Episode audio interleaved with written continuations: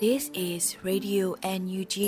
the voice of National Unity Government of Myanmar, broadcasting for Myanmar Spring Revolution. Radio NUG is transmitting from shortwave 16 meter 17.79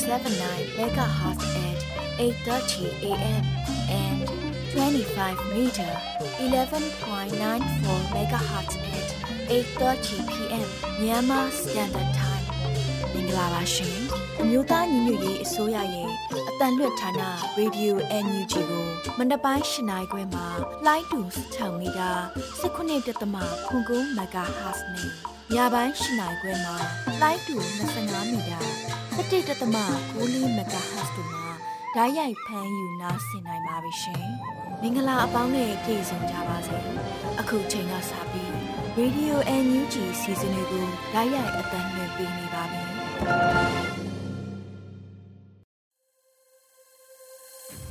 မြန်မာနိုင်ငံသူနိုင်ငံသားအပေါင်းတဘာဝပြီးဆရာနာရှင်ပြီးတို့ကနေကင်ဝေးပြီးကိုစိတ်နှပါဘေးကင်းလုံခြုံကြပါစေလို့ရေဒီယိုညူးချီဖွဲ့သားများကဆုတောင်းမြတ်တာပို့သလိုက်ရပါတယ်။အခုချိန်ကစပြီးနောက်ဆုံးရသတင်းများကိုတော့ Sodes လူနေမှဖတ်ကြားတင်ပြပေးပါမယ်ရှင်။ မင်္ဂလာပါအခုချိန်ရစပြီးမနက်ပိုင်းပြည်တွင်သတင်းများကိုစတင်တင်ပြပေးပါတော့မယ်ပထမအဆုံးအနေနဲ့တော်လိုင်းရေးအရှိန်မြင့်တင်ဖို့ယာယီသမရဒူဝါလက်ရှိလာပြောကြားလိုက်တဲ့သတင်းကိုတင်ပြပေးသွားပါမယ်ဖေဖော်ဝါရီလ28ရက်နေ့အမျိုးသားညီညွတ်ရေးအစိုးရရှစ်ကြိမ်မြောက်အစိုးရဖွဲ့အစည်းအဝေးမှာယာယီသမရကအခုလိုပြောကြားခဲ့ပါတယ်။အကြံဖက်စေအုပ်စုဟာလူလူကိုအကြောက်တရားနဲ့ဖိပြီးအုပ်ချုပ်လို့ရမယ်ထင်နေပါတယ်။လက်တွေ့အမှန်ကလူလူတရက်လုံးဟာစစ်အုပ်စုရဲ့ရက်စက်မှုကိုခါးသိမ်းနေကြပြီဖြစ်ပါတယ်။ စစ်အုပ်စုကိုလက်လျှော့အရှုံးမပေးဘဲအဆုံးထိတိုက်ပွဲဝင်ဖို့အားလုံးကယနေ့အထိစိတ်ဆန္ဒပြင်းပြနေကြဆဲဖြစ်ပါတယ်။ကျွန်တော်တို့အစိုးရကက်ဘိနက်အဖွဲ့ဝင်များအနေဖြင့်လည်းလက်ရှိသွားနေတဲ့အချိန်ထက်မလျော့ဘဲဆက်လက်အားတင်ကတော်လှန်ရေးအချိန်ကိုမြင့်တင်ဖို့လိုအပ်ပါတယ်လို့ယာယီသမရဒူဝါလက်ရှိလာကပြောကြားခဲ့ပါတယ်။လက်ရှိချိန်မှာပြည်သူခုခံတော်လှန်စစ်ကိုဆင်နွှဲလျက်ရှိပြီးတော့စစ်စင်ရေးတစ်နှစ်ကျော်ကာလအတွင်းစစ်ကောင်စီတပ်ဖွဲ့ဝင်2000ကျော်ကြာဆုံးခဲ့ကြောင်းသတင်းရရှိပါရခင်ဗျာ။ နယ်စပ်ဒေသတွေမှာရောက်ရှိနေကြတဲ့တော်လှန်ရေးတက်ကြွလှုပ်ရှားသူတွေနဲ့စီဒီအန်တွေအားလုံးအတွက်လုံလုံခြုံခြုံနေထိုင်ခိုလုံခွင့်ရရှိအောင်ဝိုင်းဝန်းကြိုးပမ်းပေးဖို့ဝန်ကြီးချုပ်ပြောကြားလိုက်တဲ့သတင်းကိုဆက်လက်တင်ပြပေးပါမယ်။ဖေဖော်ဝါရီလ28ရက်နေ့အစိုးရအဖွဲ့အစည်းအဝေးမှာပြည်ထောင်စုဝန်ကြီးချုပ်မန်ဝင်းခိုင်တန်းကအခုလိုပြောကြားခဲ့ပါတယ်။ အခုဆိုရင်ကျွန်တော်တို့နိုင်ငံရဲ့စိုးရွားလွန်းတဲ့အခြေအနေများနဲ့လူမဆန်တဲ့လူခွင့်ရေးချိုးဖောက်ခံရမှုများကြောင့်မိမိတို့နိုင်ငံတွင်းနေထိုင်နိုင်ရန်မဖြစ်နိုင်တော့လို့နေဆက်ဒေသတွေမှာရောက်ရှိနေကြတဲ့တော်လှန်ရေးတက်ကြွလှုပ်ရှားသူတွေ CDM တွေအားလုံးအတွက်လည်းအတိုင်းအတာတစ်ခုထိလုံလုံခြုံခြုံနေထိုင်ခိုလုံခွင့်ရအောင်ဝိုင်းဝန်းကြိုးပမ်းပေးကြဖို့ထပ်မံတောင်းဆိုလိုပါတယ်လို့ဝန်ကြီးချုပ်ကဆိုထားပါတယ်မြန်မာနိုင်ငံတဝန်းမှာ အိုးအိမ်ဆုံးခွာပြည်သူ1.5တန်းကျော်ရှိလာပြီး2023ခုနှစ်စီးရင်အရပြည်သူ19.6တန်းစုစုပေါင်းလူဦးရေရဲ့သုံးပုံတစ်ပုံနီးပါးဟာလူသားချင်းစာနာမှုဆိုင်ရာအကူအညီတွေလိုအပ်မယ်လို့ခန့်မှန်းထားကြောင်းသတင်းရရှိပါရခင်ဗျာလူသားချင်းစာနာထောက်ထားရေးကူညီအတွက်မြန်မာကိုပေးဖို့ UK အစိုးရက UK စတာလင်ပေါင်း45မီလီယံပြင်ဆင်ထားတဲ့သတင်းကိုထပ်မံတင်ပြပေးသွားပါမယ်။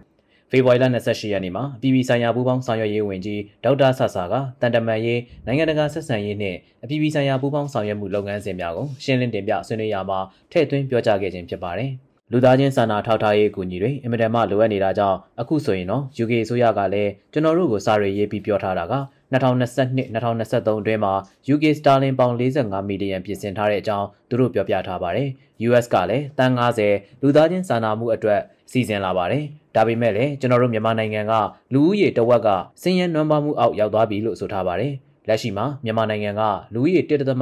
မှာဒုက္ခသည်ဖြစ်နေရပြီး18တန်းဟာလူသားချင်းစာနာမှုအကူအညီများလိုအပ်နေပြီးလုံလောက်တဲ့အကူအညီမရရှိသေးဘူးလို့ဝန်ကြီးကဆိုထားကြောင်းသတင်းရရှိပါရခင်ဗျာ။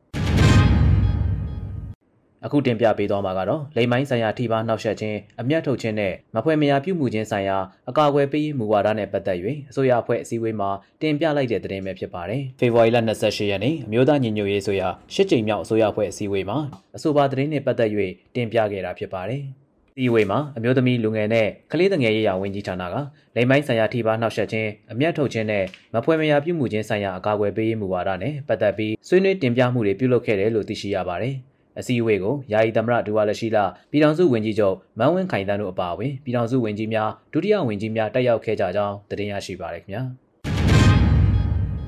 ပြည်ထောင်ဝင်ကြီးအမိန့်နဲ့ကံမလူမျိုးနယ်ပြည်သူ့ရဲတပ်ဖွဲ့ဖွဲ့စည်းလိုက်တဲ့သတင်းကိုဆက်လက်တင်ပြပေးသွားပါမယ်ဖေဖော်ဝါရီလ28ရက်နေ့မှာပြည်ထောင်ရေးဝန်ကြီးဦးလင်ကိုလက်အမိန့်နဲ့ကြေညာစာအမှတ်6မြင်းဆောင်2023ကိုထုတ်ပြန်ကြေညာခဲ့ပါတယ်။ထုတ်ပြန်ချက်အရမြို့သားညီညွတ်ရေးအစိုးရပြည်ထောင်ရေးနှင့်လူဝင်မှုကြီးကြပ်ရေးဝန်ကြီးဌာန 2022ခုနှစ်ပြည်သူ့ရဲတပ်ဖွဲ့ဥပဒေပုံမှ14ခအရပြည်သူ့ရဲတပ်ဖွဲ့လက်အောက်တွင်ကမ်ဘလူမျိုးနယ်ပြည်သူ့ရဲတပ်ဖွဲ့အားဖွဲ့စည်းလိုက်ပါတယ်လို့ဖော်ပြပါရှိပါတယ်။လက်ရှိမှာတော့ကလေးမျိုးနယ်ရဲတပ်ဖွဲ့နဲ့ဝက်လက်မျိုးနယ်ရဲတပ်ဖွဲ့တို့မှာဖွဲ့စည်းထားပြီးဖြစ်ကြောင်းသိရရှိပါရခင်ဗျာ။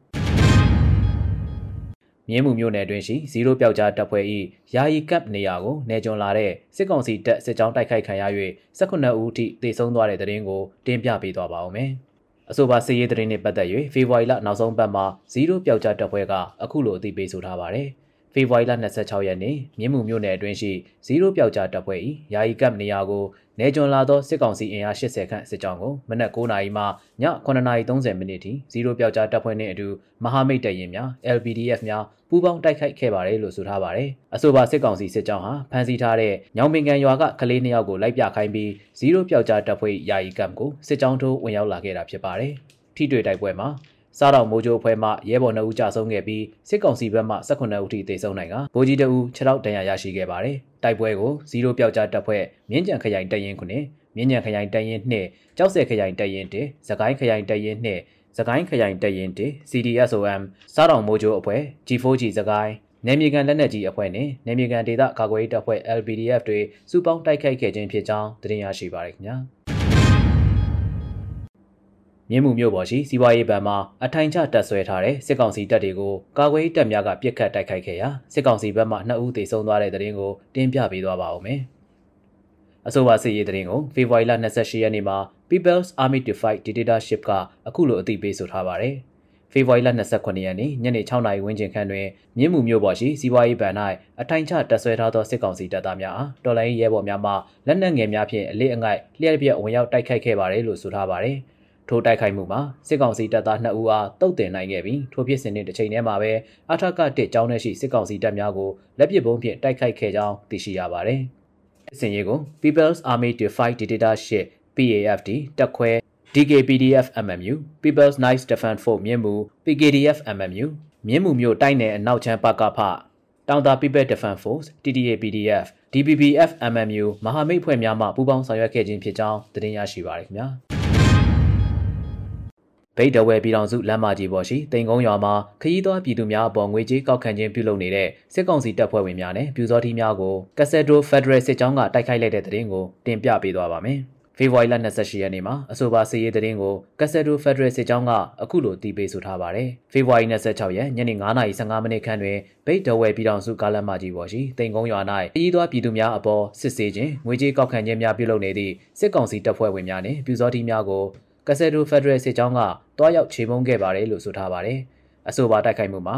ပရိတလုံးပျောက်ကြားတပ်ဖွဲ့ကပူးပေါင်းပါဝင်ခဲ့ပြီးစစ်ကောင်စီနှင့်ပြူစောတိအဖွဲ့ဝင်3ဦးသေဆုံးက4ဦးထိခိုက်ဒဏ်ရာရရှိခဲ့ကြောင်းသတင်းရရှိပါရခင်ဗျာ။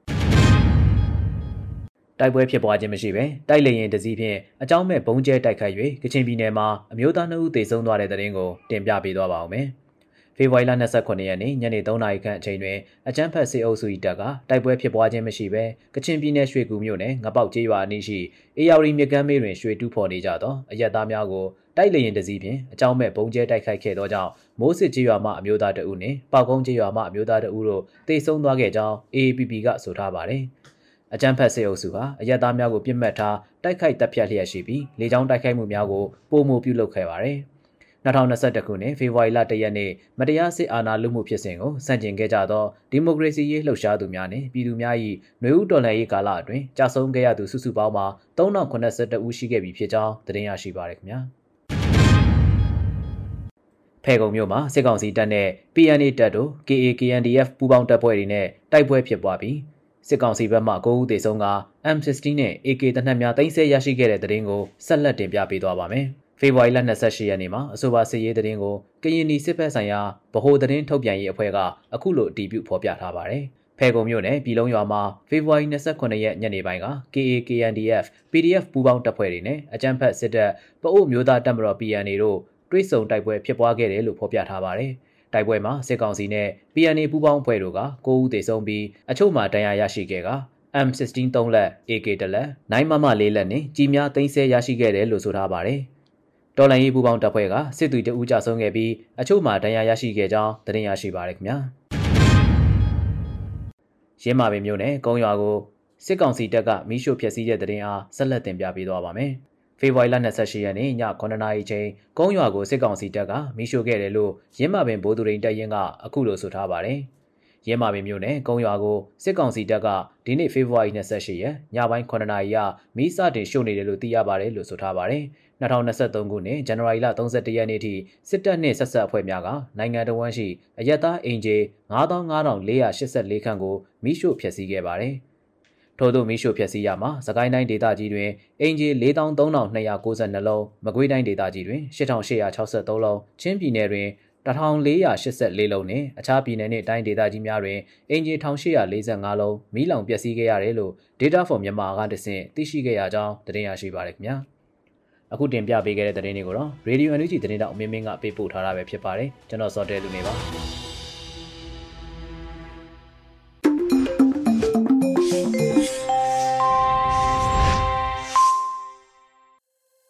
ရေဒီယိုညူချီရဲ့မနက်ခင်းစီစဉ်တွေကိုဆက်လက်တင်ပြနေပါတယ်။ အခုဆက်လက်ပြီးနားဆင်ကြရမှာကတော့တော်လှန်ရေးကြပြအစီအစဉ်ဖြစ်ပါတယ်။မောင်တင်တစ်ရေးသားပြီးလွတ်လပ်နေဦးရွတ်ဖတ်ထားတဲ့အိမ်ပြန်လန်းလို့အမည်ရတဲ့တော်လှန်ရေးကြပြကိုနားဆင်ကြရတော့မှာဖြစ်ပါတယ်ရှင်။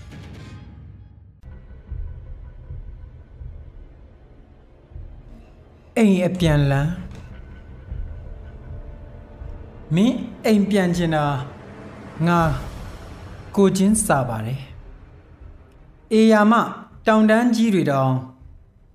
ဝင်ရိုးစွန်းကသူ့အိမ်ရာစီတစ်နှစ်တစ်ခါပြန်ကြတယ်ငါကြားဘူးတယ်သူအိမ်ပြန်ရင်ငလျင်တော်လဲတံငါတို့ကြားရမယ်အိမ်ပြန်ဖို့သူဘလောက်မွတ်သိမ့်နေမလဲကိုချင်းစာရတယ်ကိုကိုကိုအပြစ်မတင်ပါနဲ့အိမ်ပြန်ခြင်းစိတ်ဟာတဘာဝပဲ ငါကိုချင်းစာပါတယ်အိမ်မှာအမေတော့မရှိတော့ဘူးတဲ့အိမ်ကောရှိသေးရလားဒါလည်းမသေးကြဘူးတဲ့သို့တော့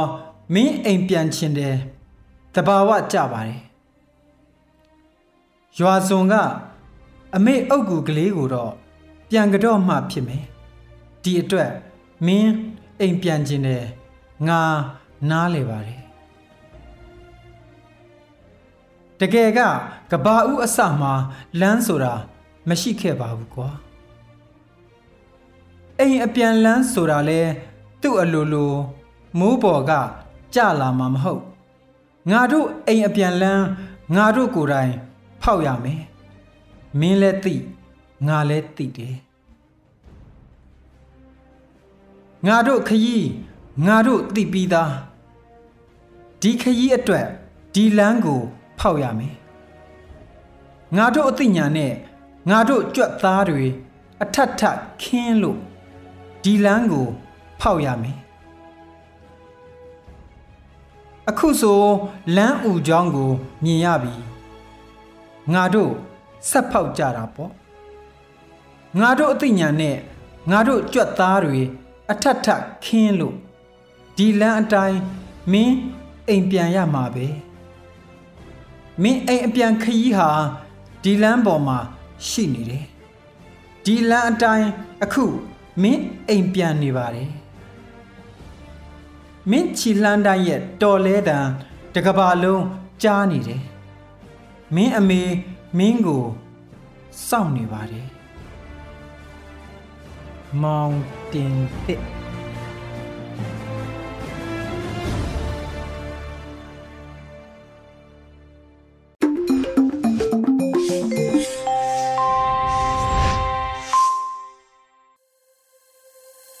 ရေဒီယိုညူချီမှာဆက်လက်တင်ပြနေပါတယ်။အခုဆက်လက်ပြီးပြည်သူခုခံစစ်တရင်များကိုနှွေဦးလိပ်ပြကဖတ်ကြားတင်ပြပေးပါမယ်ရှင်။ ပထမဦးစွာတင်ဆက်မှာကထီးလင်းမြို့နယ်တွင်တိုက်ပွဲဖြစ်ပြီးစစ်သား3ဦးသေဆုံးကတနက်တလက်သိမ်းဆည်းရမိတဲ့တဲ့မှာမကွေးတိုင်းနဲ့စကိုင်းတိုင်းအဆက်ထီးလင်းမြို့နယ်ပုံတောင်နက်ထိတ်တွင်စစ်တပ်နှင့်ထီလင်း PDF တို့အကြားတိုက်ပွဲဖြစ်ပြီးစစ်သား3ဦးသေဆုံးကတနက်တလက်နှင့်ခဲယမ်းများသိမ်းဆည်းရရှိခဲ့ကြောင်းထီလင်း PDF ထံမှသိရှိရပါသည်။ February လ26ရက်က ထီလင်းမြို့နယ်ကျင်းအရှိပုံတောင်နတ်ထိတ်တွင်လှည့်ကင်းလှည့်လာသောကပ္ပစာ24တပ်မှစစ်သားများနှင့်ဂံကောခရိုင်တရင်နှင့်တရင်လေးတရင်30တို့မှကင်းလဲအဖွဲ့ကိုထိတ်တိုက်တွေ့ဆုံပြီးအပြန်အလှန်ပစ်ခတ်တိုက်ခိုက်ခဲ့ရာစစ်သား3ဦးသေဆုံးပြီး MA11 တနက်တလက်ကြီးပေါက်3ခုကြီးအတောင်80နှင့်ခပတ် equipment တစ်ခု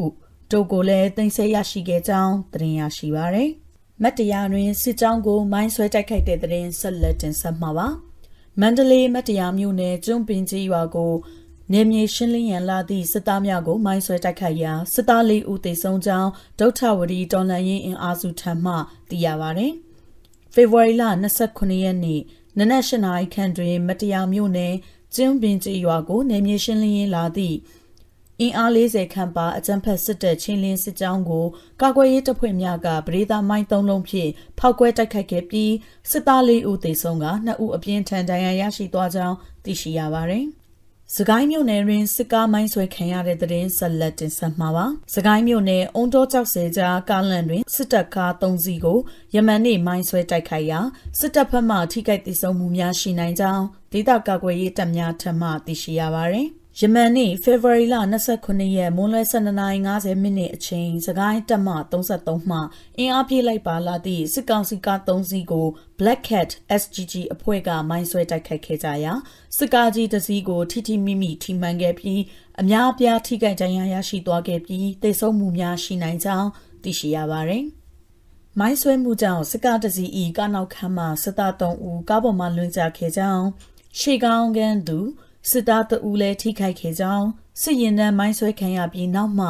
ရှေ့ဆက်ထွက်နိုင်ခြင်းမရှိဘဲရက်တံကအနီးဝန်းကျင်ကိုလိုက်လံရှာဖွေရန်တမ်းပစ်ခတ်မှုပြုလုပ်ခဲ့ကြောင်းသိရှိရပါတယ်။မြင်းမှုမျိုးပေါ်ရှိမြမစီးပွားရေးဘဏ်နှင့်အာထကတစ်ကြောင်းတွင်တက်ဆွဲထားသောစစ်တပ်ကိုတိုက်ခိုက်မှုစစ်သား2ဦးသေဆုံးတဲ့တဲ့တင်တင်ဆက်ပါမယ်။ စကိုင်းတိုင်းမြင်းမှုမြို့ပေါ်ရှိမြမစီးပွားရေးဘဏ်နှင့်အထက်ကတစ်ကြောင်တွင်တဆွဲထားသောစစ်တပ်ကိုဝင်ရောက်တိုက်ခိုက်ခဲ့ရာစစ်သား2ဦးသေဆုံးခဲ့ကြောင်းဒေသခံကာကွယ်ရေးတပ်ဖွဲ့တွေကဆိုပါတယ်။ယမန်နေ့ဖေဖော်ဝါရီလ29ရက်နေ့ညနေ6နာရီခန့်အချိန်မြင်းမှုမြို့မြမစီးပွားရေးဘဏ်တွင်စစ်တပ်အင်အား10ဦးခန့်ဘဏ်၏မျက်နှာချင်းဆိုင်ရှိအထက်ကတစ်ကြောင်တွင်တဆွဲထားသောအကြမ်းဖက်စစ်သား20ခန့်တို့ကို ပြည်သူ့ကာကွယ်ရေးတပ်ဖွဲ့ကလက်နက်ငယ်များဖြင့်လျှက်တပြက်ဝင်ရောက်တိုက်ခိုက်ရာအကြမ်းဖက်စစ်သား2ဦးသေဆုံးပြီးထိခိုက်ဒဏ်ရာရရှိသူများလည်းရှိခဲ့ကြောင်းသိရှိရပါသည်။နောက်ဆုံးအနေနဲ့စင်ကူငပြင်းအင်းရွာတွင်စစ်တင်နန်းပေးရန်ပြင်ဆင်နေစဉ် PDF ကဝင်စီးရာအုပ်ကြီးနှင့်ပြူစောထီများထွက်ပြေးတဲ့တဲ့ရင်တင်ဆက်ပါမယ်။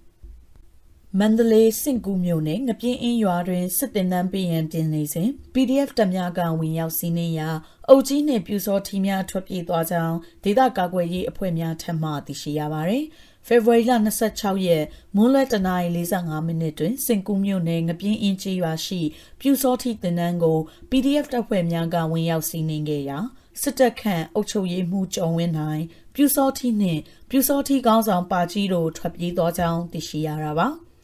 စစ်ကောင်စီခန့်အုပ်ချုပ်ရေးမှုနှင့်ပြူစောထီများထွက်ပြေးသွားသောကြောင့်ပြူစောထီစစ်တင်နန်းတရန်စရင်ပေးထားသူကို မေးမြန်းစီစစ်ခဲ့ကြောင်းကျေးရွာအုပ်ချုပ်ရေးမှူးကျော်ဝင်းနိုင်နေအိမ်ကိုဝင်ရောက်ရှာဖွေစဉ်အလဲပိုင်းတိုင်းစစ်ဌာနချုပ်အမှတ်နှစ်စစ်အခြေခံလက်ကျင့်ရေးတပ်တို့ပေးပို့ရန်ပြင်ဆင်ထားသောပြူစောထင်းအင်အားစရင်ရွေးကောက်ပွဲပြုလုပ်ရန်အိမ်တော်စုစရင်များနှင့်လက်ပစ်ပုံးတစ်လုံးတို့အားရှာဖွေသိမ်းဆည်းနိုင်ခဲ့ကြောင်းသိရှိရပါသည်။ ပြူစောတိစစ်တင်တဲ့တရန်စီရင်ပေးထားသူများနှင့်ရွာသူရွာသားများကိုငပြင်းအင်းကျေးရွာစာတင်ကြောင်းတွင်စူးစီးစေပြီးပြူစောတိတင်တဲ့မတက်ရောက်ကြရန်နှင့်တော်လိုင်းရင်အင်အားစုများကိုကုညီထောက်ပံ့ကြရန်ဘိုလင်းယုံတပ်ဖွဲ့ကဟောပြောခဲ့ကြောင်းသိရှိရပါသည်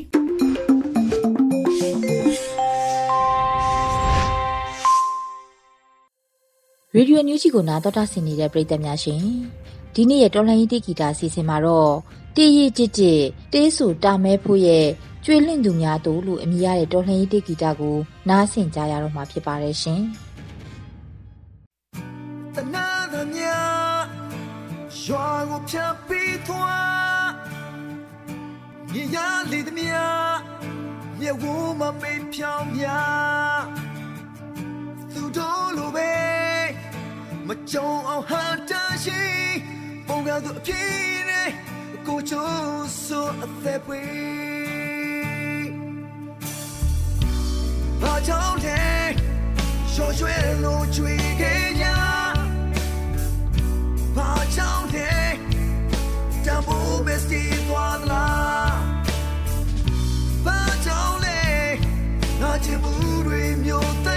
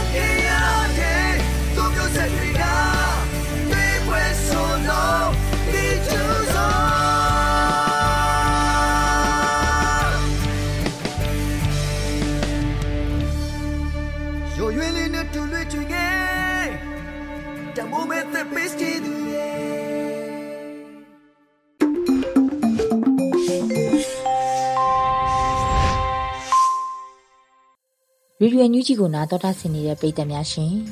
အခုနောက်ဆုံးအနေနဲ့ PPTV ရဲ့နေ့စဉ်သတင်းများကိုတော့ထက်ထက်အင်ဒရာအောင်ကဖတ်ကြားတင်ပြပေးပါရမရှင်အခုချိန်ကစပြီး PPTV သတင်းတွေကိုတင်ဆက်ပေးတော့မှာပါကျမထထအင်ဒရာအောင်ပါဒီကနေ့အတွက်ပထမဆုံးတင်ဆက်ပေးရှင်တာကတော့အမျိုးသားညီညွတ်ရေးအစိုးရရှစ်ကြိမ်မြောက်အစိုးရအဖွဲ့အစည်းအဝေးပြုလုပ်တဲ့သတင်းပါ အစည်းအဝေးမှာယာယီသမရဒူဝါလက်ရှိလာကအဖွင့်မိန့်ခွန်းပြောကြားခဲ့ပြီးတဲ့နောက်ပြည်ထောင်စုဝန်ကြီးချုပ်ကမိန့်ခွန်းပြောကြားခဲ့ပါတယ်။ယာယီသမရဒူဝါလက်ရှိလာက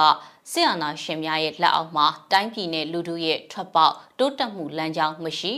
လက်ရှိကျွန်တော်တို့အမျိုးသားညီညွတ်ရေးအစိုးရကတိုင်းသားလူမျိုးပေါင်းစုံနဲ့ဖွဲ့စည်းထားပြီးတော့ပုံမှုစုံလင်သောစုဖွဲ့မှုကိုလည်းတိုးချဲ့ဖို့စိတ်ဆန္ဒရှိပါတယ်။ကျွန်တော်တို့အစိုးရကသာတိုင်းပြည်ရဲ့တည်ငြိမ်မှုနဲ့နိုင်ငံတကာယင်းနှိမ့်မြုပ်နှံမှုတွေကိုအာမခံချက်ပေးနိုင်မှာဖြစ်ပါတယ်။ အိန္ဒိချင်းနိုင်ငံများအနေနဲ့လည်းစစ်အုပ်စုရဲ့အာဏာသိမ်းမှုနဲ့နေ့စဉ်နဲ့အမျှအကြမ်းဖက်လုပ်ရက်တွေကြောင့်လက်ရှိဒိုးနိုင်ငံရဲ့တိုင်းရင်းသားပြည်သူလူထုများတွေ့ကြုံနေရတဲ့အခက်အခဲစိန်ခေါ်မှုတွေကိုစာနာပြီးတော့ရက်တီပေးကြဖို့ကျွန်တော်တို့မျှော်လင့်လျက်ရှိပါတယ်လို့ပြောကြားပါတယ်။ပြည်ထောင်စုဝန်ကြီးချုပ်မန်ဝင်းခိုင်တန်းက အခုဆိုရင်ကျွန်တော်တို့နိုင်ငံရဲ့အဆိုးရွားလွန်တဲ့အခြေအနေတွေနဲ့လူမဆန်တဲ့လူအခွင့်အရေးချိုးဖောက်ခံရမှုတွေကြောင့်မိမိတို့နိုင်ငံအတွင်းနေထိုင်နိုင်ရန်မဖြစ်တော့လို့နေဆက်ဒေသတွေမှာရောက်ရှိနေကြတဲ့တော်လှန်ရေးတက်ကြွလှုပ်ရှားသူတွေ CDM တွေအားလုံးအတွက်လည်းအတိုင်းအတာတစ်ခုအထိလုံလုံခြုံခြုံနေထိုင်ခိုလုံခွင့်ရအောင်ဝိုင်းဝန်းကြိုးပမ်းပေးဖို့ထပ်မံတောင်းဆိုလိုပါတယ်။ အင်းကြီးနိုင်ငံလည်းဖြစ်အင်အားကြီးနိုင်ငံလည်းဖြစ်တဲ့တရုတ်နိုင်ငံနဲ့ဆက်ဆံရေးကိုလည်းမျှခြေတစ်ခုရှိအောင်စဉ်းစားပြီးတော့ဆက်ဆံရေးတည်ဆောက်နိုင်ဖို့လိုအပ်မှာဖြစ်ပါတယ်။ ဒေါ်လာရေးအင်အားအဆင့်မှန်ကပြည်တွင်းမှာရှိတယ်ဆိုတာမှန်ပေမဲ့ပြည်တွင်းစစ်အခြေအနေနိုင်ငံရေးအခြေအနေများသာမကပဲနိုင်ငံရေးခြားအထောက်ပံ့အကူအညီများတန်းခတ်ပိတ်ဆို့မှုများနေဆက်ဖြစ်ကျော်ပြီးလူသားချင်းစာနာမှုအကူအညီတွေအတွက်ဆက်သွယ်ရေးလမ်းကြောင်းများရရှိနိုင်မှုစတဲ့ကဏ္ဍတွေဟာလည်းတော်လှန်ရေးချိန်ခွင်ရှာကိုပြောင်းလဲစေနိုင်တာကြောင့်အားစိုက်ဆောင်ရွက်ကြမယ့်ကဏ္ဍတွေဖြစ်ပါတယ်လို့ပြောကြပါရယ်။ ဒါအပြင်တော်လှန်ရေးအစိုးရဖြစ်တာကြောင့်တစ်ဖက်ကလည်းတော်လှန်ရေးရဲ့လိုအပ်ချက်အရစီမံဆောင်ရွက်ရမှာတွေကိုမလစ်ဟင်းစေပဲတစ်ဖက်ကလည်းအစိုးရတရက်ပြီးသားစွာရန်နေရတွေကိုကောင်းမွန်စွာလဲပတ်နိုင်အောင်ဝိုင်းဝန်းဆောင်ရွက်ပေးဖို့အတွက်လည်းပြည်ထောင်စုဝန်ကြီးချုပ်ကတိုက်တွန်းပြောကြားထားပါတယ်။ အစည်းအဝေးမှာအမျိုးသမီးလူငယ်နဲ့ကလေးတငယ်ကြီးရာဝန်ကြီးဌာနကလိမ်မိုင်းဆိုင်ရာထိပါနှောက်ယှက်ခြင်းအမျက်ထုတ်ခြင်းနဲ့မဖွဲမရပြုမှုခြင်းဆိုင်ရာအကာအကွယ်ပေးရေးမှုဝါဒနဲ့ပတ်သက်ပြီးတော့တင်ပြဆွေးနွေးမှုတွေပြုလုပ်ခဲ့ပါတယ်။အဲဒီနောက်မှာတော့ပြည်ထောင်စုဝန်ကြီးချုပ်ကတင်ပြလာတာတွေကိုပြန်လည်ရှင်းလင်းဆွေးနွေးပြီးယာယီသမရကညီကုန်းချုပ်အမှာစကားပြောကြားကအစည်းအဝေးကိုရုပ်သိမ်းခဲ့ပါတယ်။ ဆက်လက်ပြီးတော့မြင်းမှုမြို့နယ်မှာအကြမ်းဖက်စစ်တပ်ရဲ့မိရှုဖျက်ဆီးမှုကြောင့်ထိခိုက်ပျက်စီးခဲ့တဲ့မိသားစုတွေနဲ့ထိခိုက်ကြဆုံးရဲဘော်တွေကိုအကူအညီများပေးအပ်တဲ့သတင်းကိုဖော်ပြပေးခြင်းပါတယ်။စကိုင်းတိုင်းမြင်းမှုမြို့နယ်ကကျေးရွာတရွာမှာအကြမ်းဖက်စစ်တပ်ရဲ့မိရှုဖျက်ဆီးမှုကြောင့်နေအိမ်တွေပျက်စီးခဲ့ရတဲ့မိသားစုဝင်တွေနဲ့ထိခိုက်ကြဆုံးရဲဘော်တွေကိုမြင်းမှုမြို့နယ်ပြည်သူ့အုပ်ချုပ်ရေးအဖွဲ့ကလူသားချင်းစာနာမှုအကူအညီတွေထောက်ပံ့ပေးအပ်ခဲ့ပါတယ်။ အမျိုးသားညီညွတ်ရေးအစိုးရရဲ့မြင်းမှုမြို့နယ်ပြည်သူ့အုပ်ချုပ်ရေးအဖွဲ့ကအကြမ်းဖက်စစ်တပ်ရဲ့မိရှုဖျက်ဆီးမှုကြောင့်နေအိမ်65လုံးအထိမီးလောင်ပျက်စီးခဲ့ရတဲ့ကြေးရွာကိုမိရှုခံရတဲ့နေအိမ်တစ်လုံးလျင်ငွေကျပ်9000ဒဏ်ရာရရဲဘော်တအူကိုငွေကျပ်9000ကြောက်ဆုံးရဲဘော်အတွက်ငွေကျပ်တသိန်းစုစုပေါင်းငွေကျပ်34သိန်း5000ကိုဖေဖော်ဝါရီလ26ရက်နေ့မှာပေးအပ်ခဲ့ပါတယ်။